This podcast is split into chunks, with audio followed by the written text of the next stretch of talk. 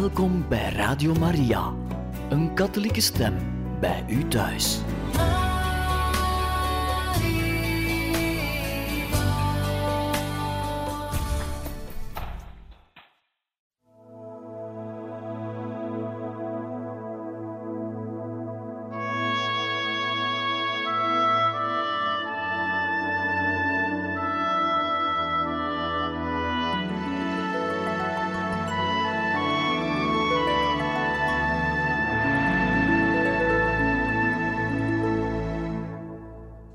Beste luisteraars van Radio Maria, hartelijk welkom in dit programma Heilige Getuigen, waar wij verder gaan met de lezing uit het boek De Wenende Maagd van La Salette, geschreven door Ewaardier de Vleeschouwer.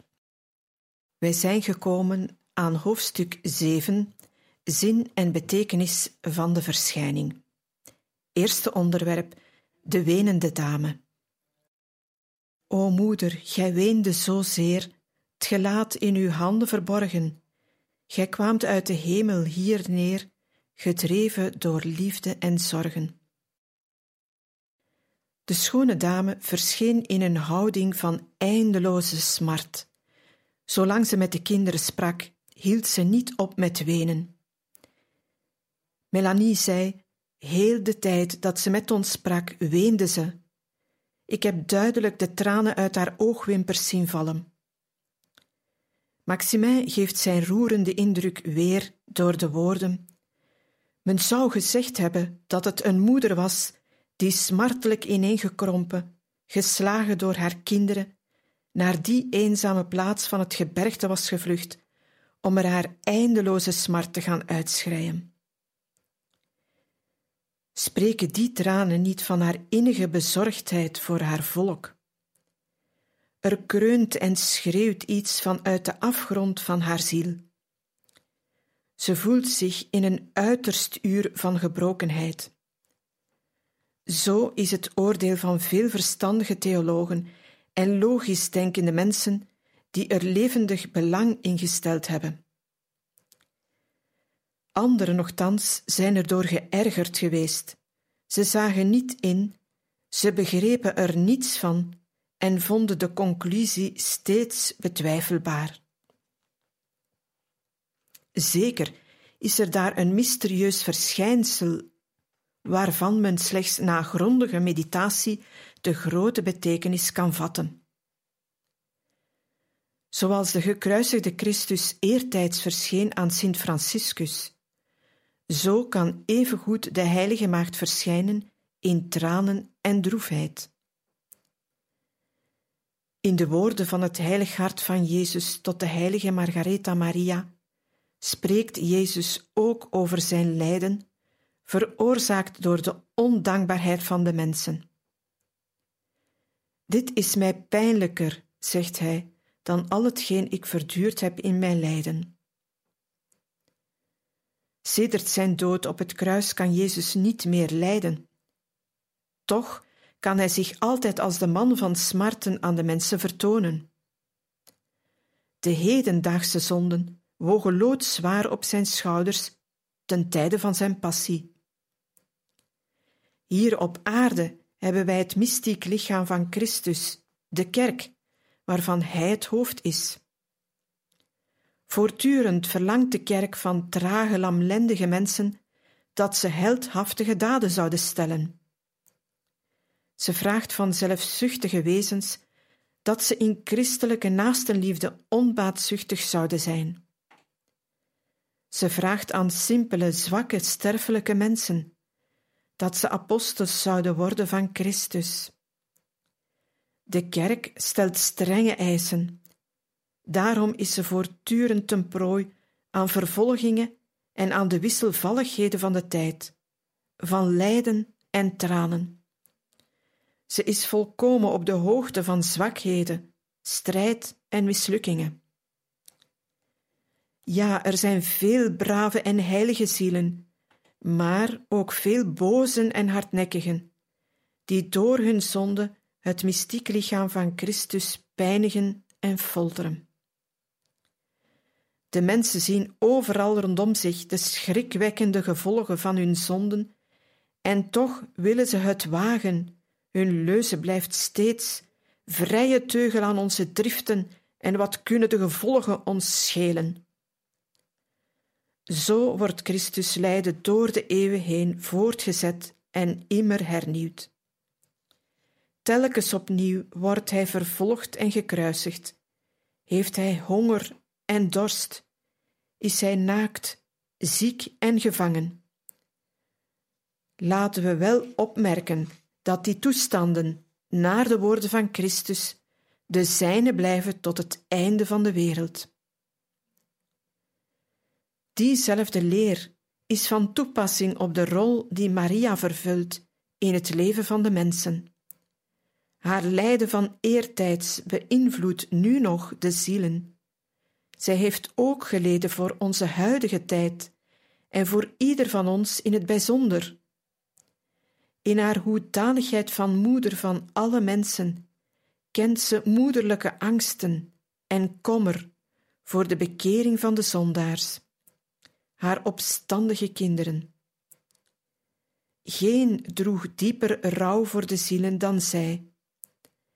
Haar lijden van vroeger is nog altijd actueel in zijn uitwerking.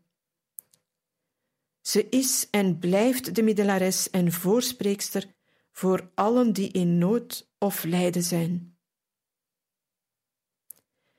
In de hemel is het verlangen naar de bekering van de zondaars eindeloos groot. Christus getuigt het zelf. Er zal in de hemel meer vreugde zijn voor één zondaar die zich bekeert, dan voor 99 rechtvaardigen die geen bekering nodig hebben. Zie Lucas hoofdstuk 15, vers 7. Zo is het zeer logisch te verklaren dat de heilige maagd te La Salette verscheen in droefheid en tranen. Zeker, in de hemel kent ze geen droefheid noch smart, maar hier op aarde weent ze, omdat ze de moeder is van hen die haar hebben doen schreien en voor wie het nodig is dat er over hen bitter getreurd wordt. Ze verlangt sterke, grote zielen te vormen en tot schreiens toe heeft ze die lief. Maria is als de redplank van verzoening tussen God en de mensheid. Haar moederhart staat open, wagenwijd voor de zielen. Tweede onderwerp: haar droeve klacht. In de verschijning van onze lieve vrouw te La Salette bemerkt men verschillende onderdelen innig met elkaar verbonden. In de geschiedenis van de verschijningen telt men er weinig, waar de boodschap zo lang en het toneel zo afwisselend is. Dadelijk onderscheidt men de hoofdgedachte van haar zending. Sedert de tijd dat ik voor u leid. Ze bedoelt haar lijden in het verleden, dat op mysterieuze wijze voortdurend hernieuwd wordt door de zonde van de mensen. De eerste woorden van de schone dame zijn een vriendelijke uitnodiging om naderbij te komen, om zonder vrees haar grote boodschap te kunnen aanhoren. Melanie en Maximin hadden eerst angst. Ze huiverden van schrik bij het zien van dat eigenaardig verschijnsel, die gloeiende vuurbol, met daarin een dame die neerzat op een steen en weende.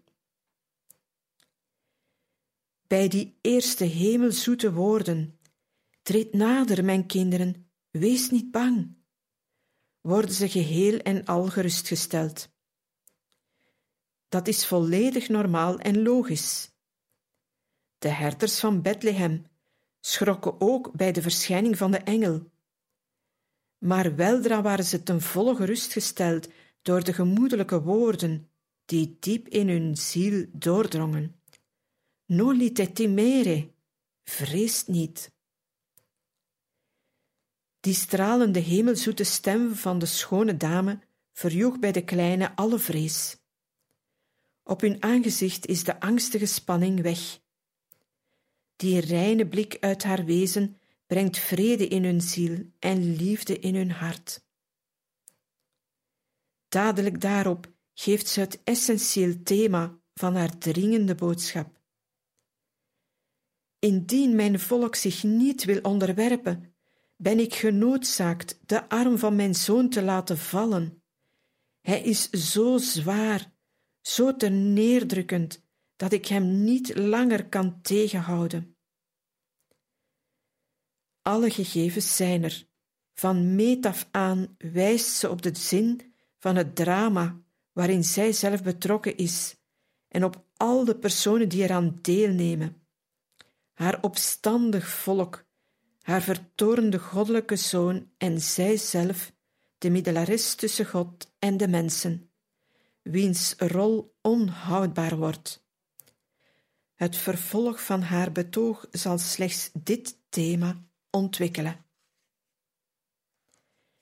Indien mijn volk zich niet wil onderwerpen, deze definitieve wekroep wijst op onze absolute afhankelijkheid van God. De moderne zonde tegen God is geen zonde van louter menselijke zwakheid, maar van absolute hoogmoed. Non serviam, ik zal niet dienen. Zo spreekt de tegenstander, de duivel.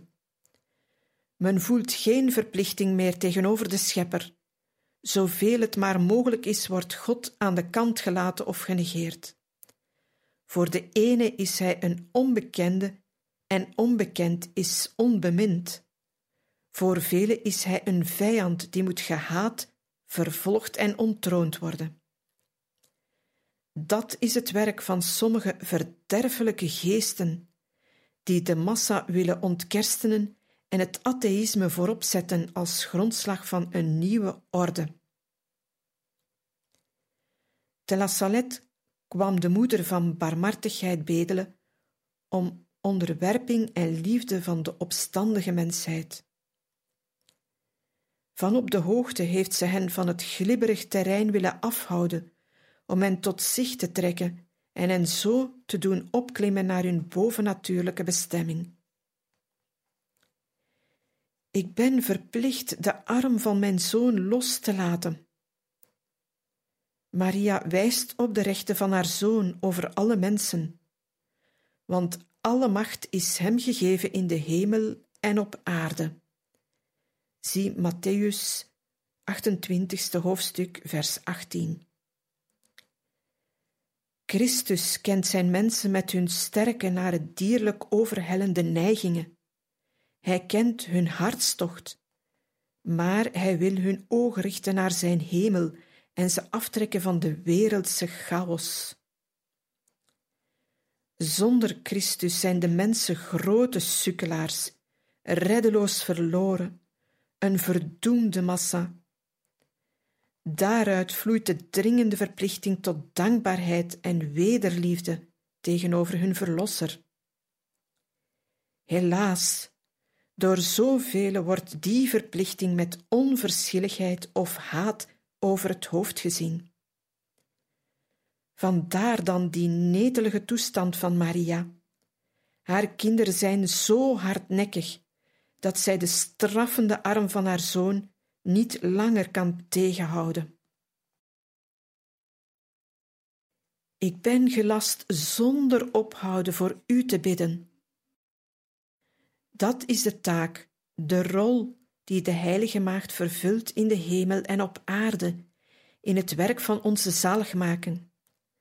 Semper intercedens pro nobis. Voortdurend spreekt zij voor ons ten beste. Ononderbroken beschermt ze de zielen. Op meewarige toon voegde ze eraan toe. En gij houdt er niet het minste rekening mee. Hoe gij ook bidt, wat gij ook doet, Nooit zult gij mij de moeite kunnen vergoeden die ik mij voor u heb getroost.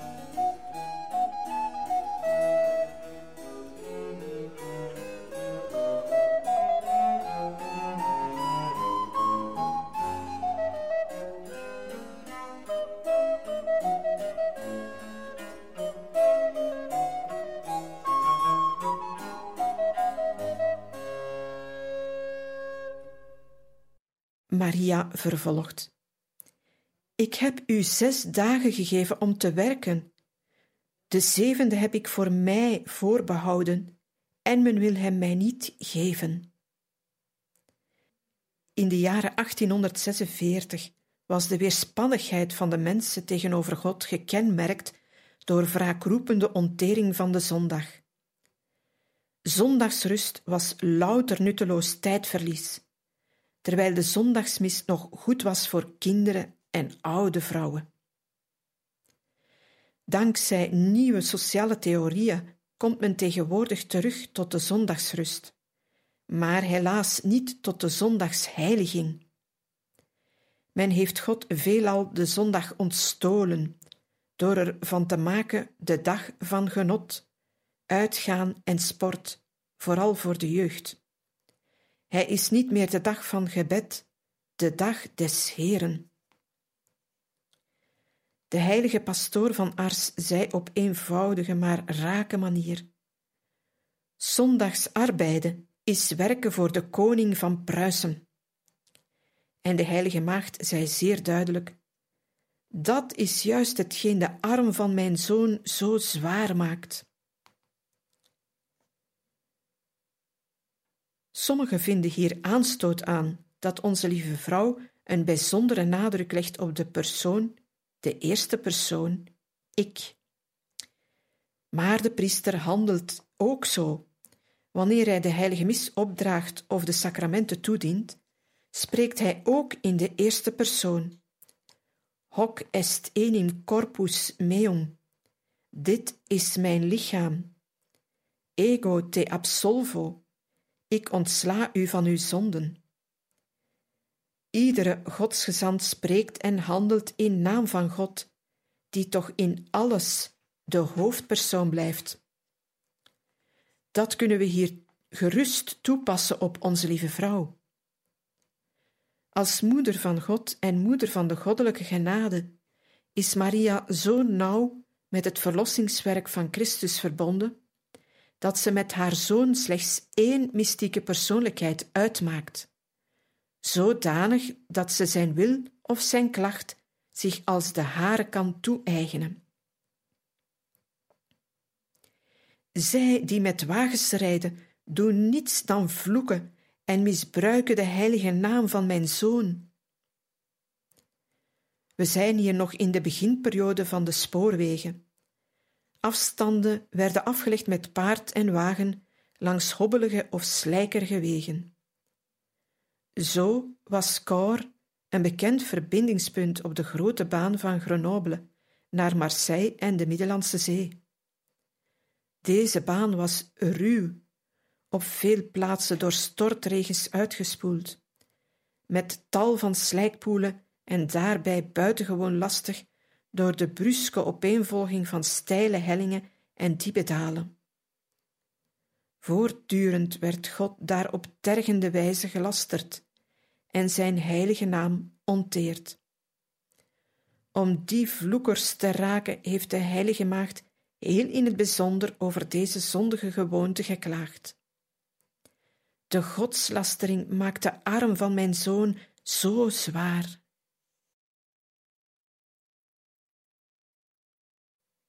Derde onderwerp: bittere voorspellingen. Bij het lezen van de boodschap van onze lieve vrouw van La Salette voelt men zich doorgaans diep getroffen door de bittere bedreigingen. Maria spreekt hier als een moeder die haar uiterste krachten inspant om haar verdwaalde zoon op de rechte weg terug te brengen.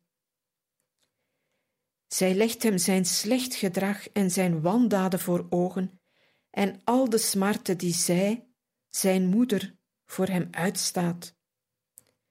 Wil hij nog geen gehoor geven aan haar laatste en tederste moederliefde, dan bedreigt ze hem onverbiddelijk met de strengste straffen.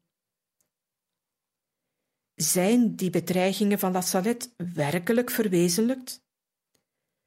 Vooraf moeten we opmerken dat de Heilige Maagd die straffen voorwaardelijk heeft voorspeld, want dadelijk voegt ze eraan toe. Indien zij zich bekeren, zullen ze overvloedige zegeningen bekomen. Laten we even de sluier oplichten en de voorspellingen van onze lieve vrouw in het volle licht brengen. De aardappelplaag. In het jaar 1846 was de aardappelplaag reeds begonnen. De heilige maagd sprak erover. Als de oogst bederft, zijt gij er de schuld van. Ik heb u verleden jaar reeds gewaarschuwd door het bederven van de aardappelen. Ze zullen verder rotten en met kerstmis zullen er geen meer zijn. Die bedreiging is letterlijk in vervulling gegaan. De geschiedenis heeft bewezen dat die vrederamp kort na de voorspelling Frankrijk en gans Europa teisterde. De streek van Cor vooral had er geweldig onder te lijden. Nog voor kerstmis was er in gans Cor geen enkele aardappel meer te vinden, zodat veel arme bergbewoners toen van honger gestorven zijn. Op 19 januari 1847, pas vier maand na de verschijning, moest koningin Victoria van Engeland in het parlement weemoedig verklaren dat deze verschrikkelijke plaag Engeland en vooral Ierland beroofde van de gewone levensmiddelen. Al wie Ierland kent, weet dat de aardappelen daar het bijzonderste landbouwproduct uitmaken. De Engelse bladen spreken voor Ierland alleen over een verlies van die vruchten voor een bedrag van 12 miljoen pond sterling, gerekend tegen de waarde van die tijd. Ook hier bij ons lezen we in oude volksregisters van die periode dat de geweldige hongersnood hier talrijke slachtoffers heeft gemaakt. De ziekte van het graan. Hebt ge graan, zaait het niet, want al wat gezaaid zal door ongedierte worden opgevreten, en wat er nog van voortkomt, zal onder het dorsen in stof vergaan. In de jaren 1851 tot 1856 werd de graanoogst door een verschrikkelijke plaag aangetast en is totaal mislukt. Daarover schreven de meeste Franse bladen hele kolommen. Alle landen van Europa hadden onder die geweldige geestel te lijden, en in veel streken was het zo erg dat de boeren zelfs geen zaaigraan hadden voor de volgende oogst. De hongersnood. Er zal een grote hongersnood komen. De grote mensen zullen boeten door honger. Uit die verschrikkelijke plagen aan aardappelen en graan volgde een vrede hongersnood. Het Franse staatsblad schrijft in een nummer van maart 1856: Voor Frankrijk alleen stijgen de sterfgevallen door de levensduurte veroorzaakt in het jaar 1854 tot 72.000 en in 1855 tot 80.000. In het jaar 1856 was het nog erger. Op diezelfde voet ging het zo door gans Europa een ontelbare massa slachtoffers op zo'n korte tijd. Overal woedde de hongersnood op zijn hevigst. Duizenden mensen door honger ondermijnd kwijnden langzaam weg. Men ging een trage, onvermijdelijke hongerdood tegemoet. De bisschoppelijke brieven uit die tijd spreken over die algemene dringende nood. Herhaaldelijk deden zij oproepen tot christelijke liefdadigheid en oprechte naastenliefde. Kindersterfte.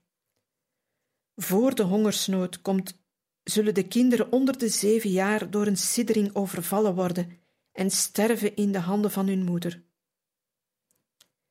De omstreken van La Salette en Cor hebben deze bedreiging dubbel en dik aangevoeld. Cor telde toen 1300 inwoners. In het jaar 1845 stierven er daar dertien kinderen onder de veertien jaar.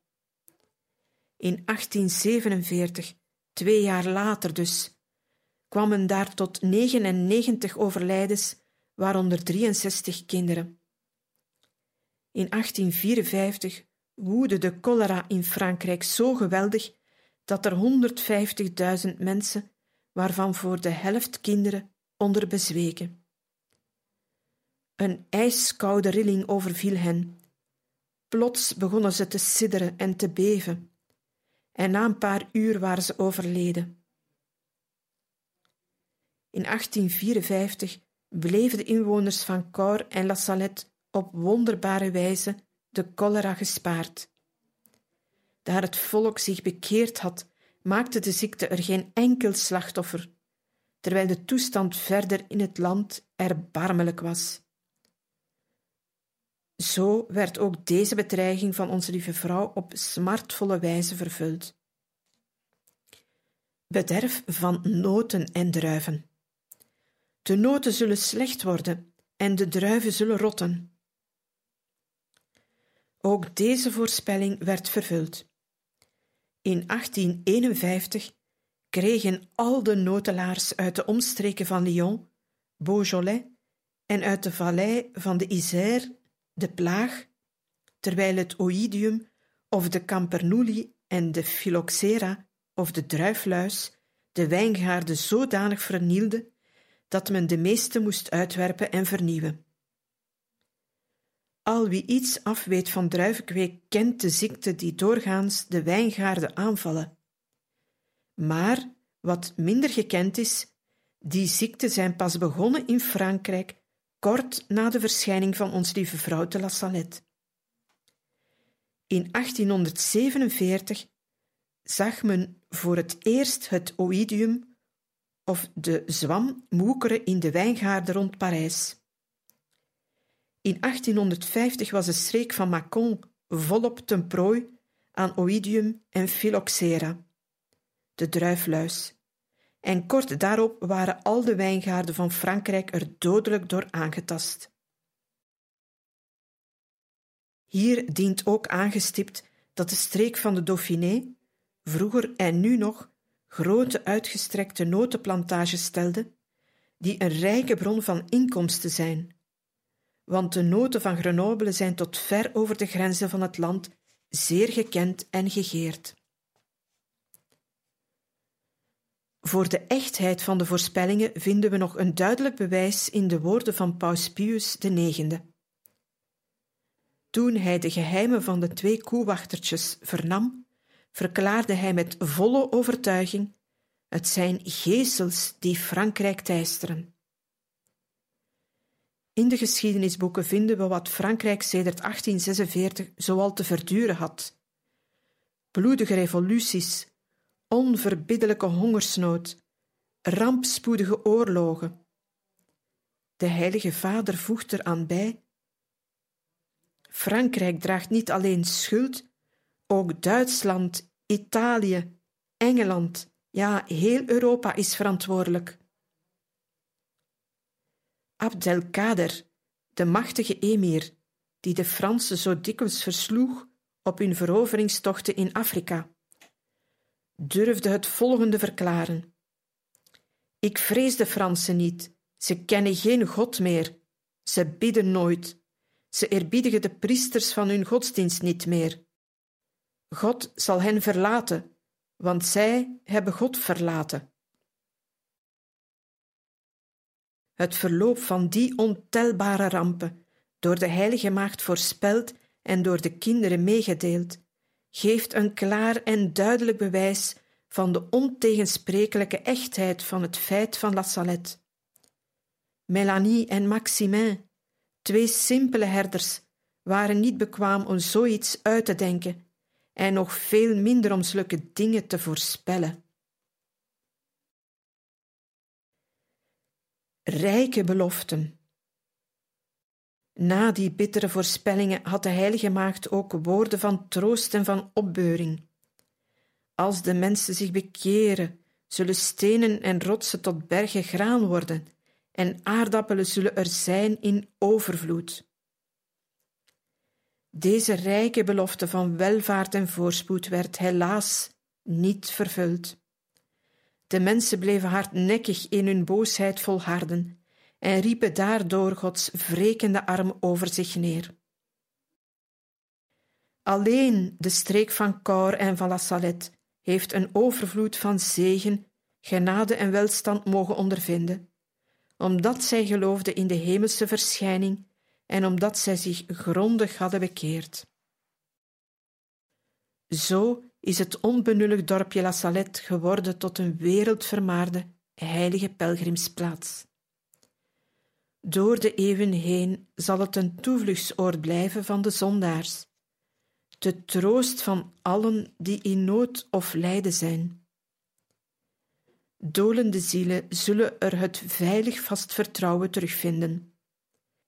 In die stille eenzaamheid te midden van de machtige bergen, dicht bij moeder die weent, is het zo stemmig, zo indrukwekkend, zo zalig.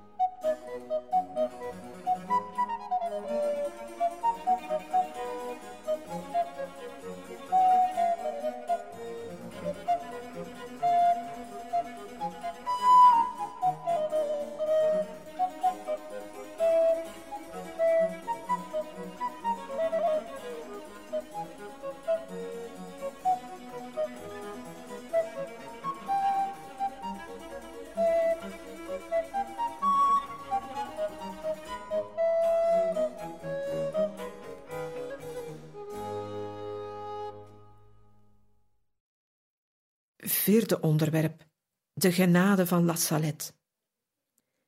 Zie uit uw hoge zaligheden, o zuivere maagd en zoete min, op ons, die zuchtend hier beneden, uw toevlucht zoeken, koningin.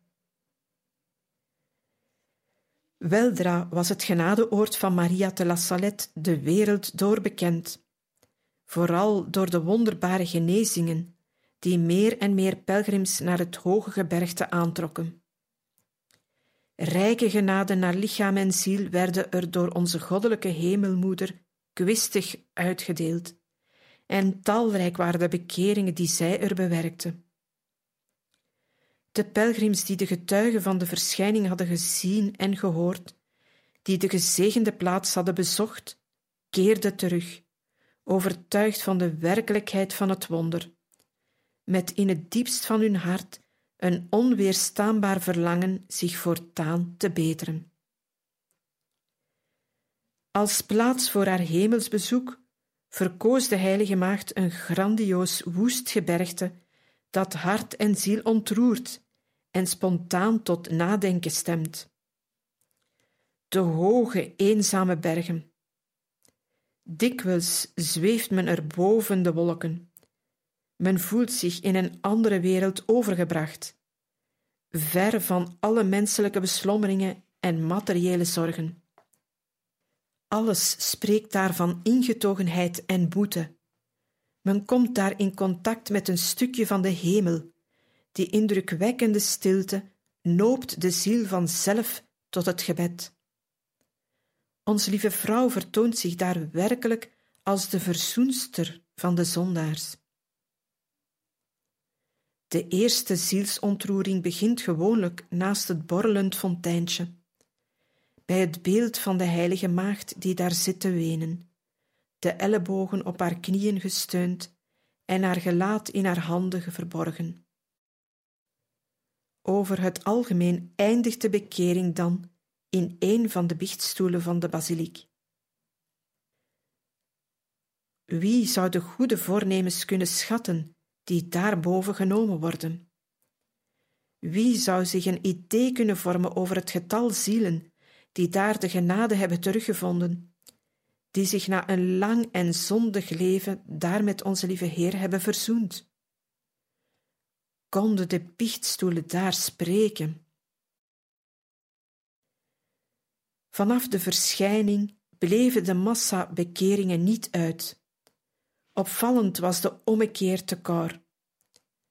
Tot hiertoe was de godsdienstige en morele toestand van het stadje echt betreurenswaardig. Zedeloosheid, genot en plezier vierden er hoogtij. Oud en jong gingen er groot op God te kunnen lasteren, te zweren en te vloeken. Niet de minste godsdienstigheid was er nog te bespeuren. Godsdienst en priesters werden er bespot. De elementairste eerbied voor Gods plaatsvervangers behoorde tot de verleden tijd. Zo ver ging het dat geen enkele priester door het dorp kon gaan zonder onterende beledigingen of allerlei scheldwoorden naar zijn hoofd te krijgen. Zelfs de pastoor Deken had het af en toe hard te verduren. Meer nog, een afvallig priester, de vroegere pastoor van Cor, die omwille van zijn slecht gedrag door het bisdom uit zijn ambt was ontzet en die daar ter plaatse nog woonde, voerde met die verlopen massa een verwoede strijd tegen godsdienst en kerk. De godsdienstige toestand van dat volk was erg erbarmelijk. Die mensen beseften niet meer dat hun leven lag in de onverwoestbare kerk en haar gemeenschap. Nooit waren ze binnengedrongen in de diepte van haar geheimen. De kerk was verlaten, de sacramenten totaal verwaarloosd, zodanig zelfs dat op een bevolking van 1300 inwoners er nog slechts een dertigtal hun Pasen hielden, en dan nog in de vroege morgen, om aan de spot en de kritiek te ontsnappen.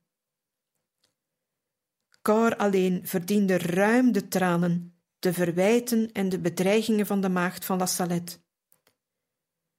Deze stad werd dan ook eerst getroffen door de voorspelde rampen, maar werd na haar bekering buitengewoon gezegend met voorspoed, welvaart en christelijk leven.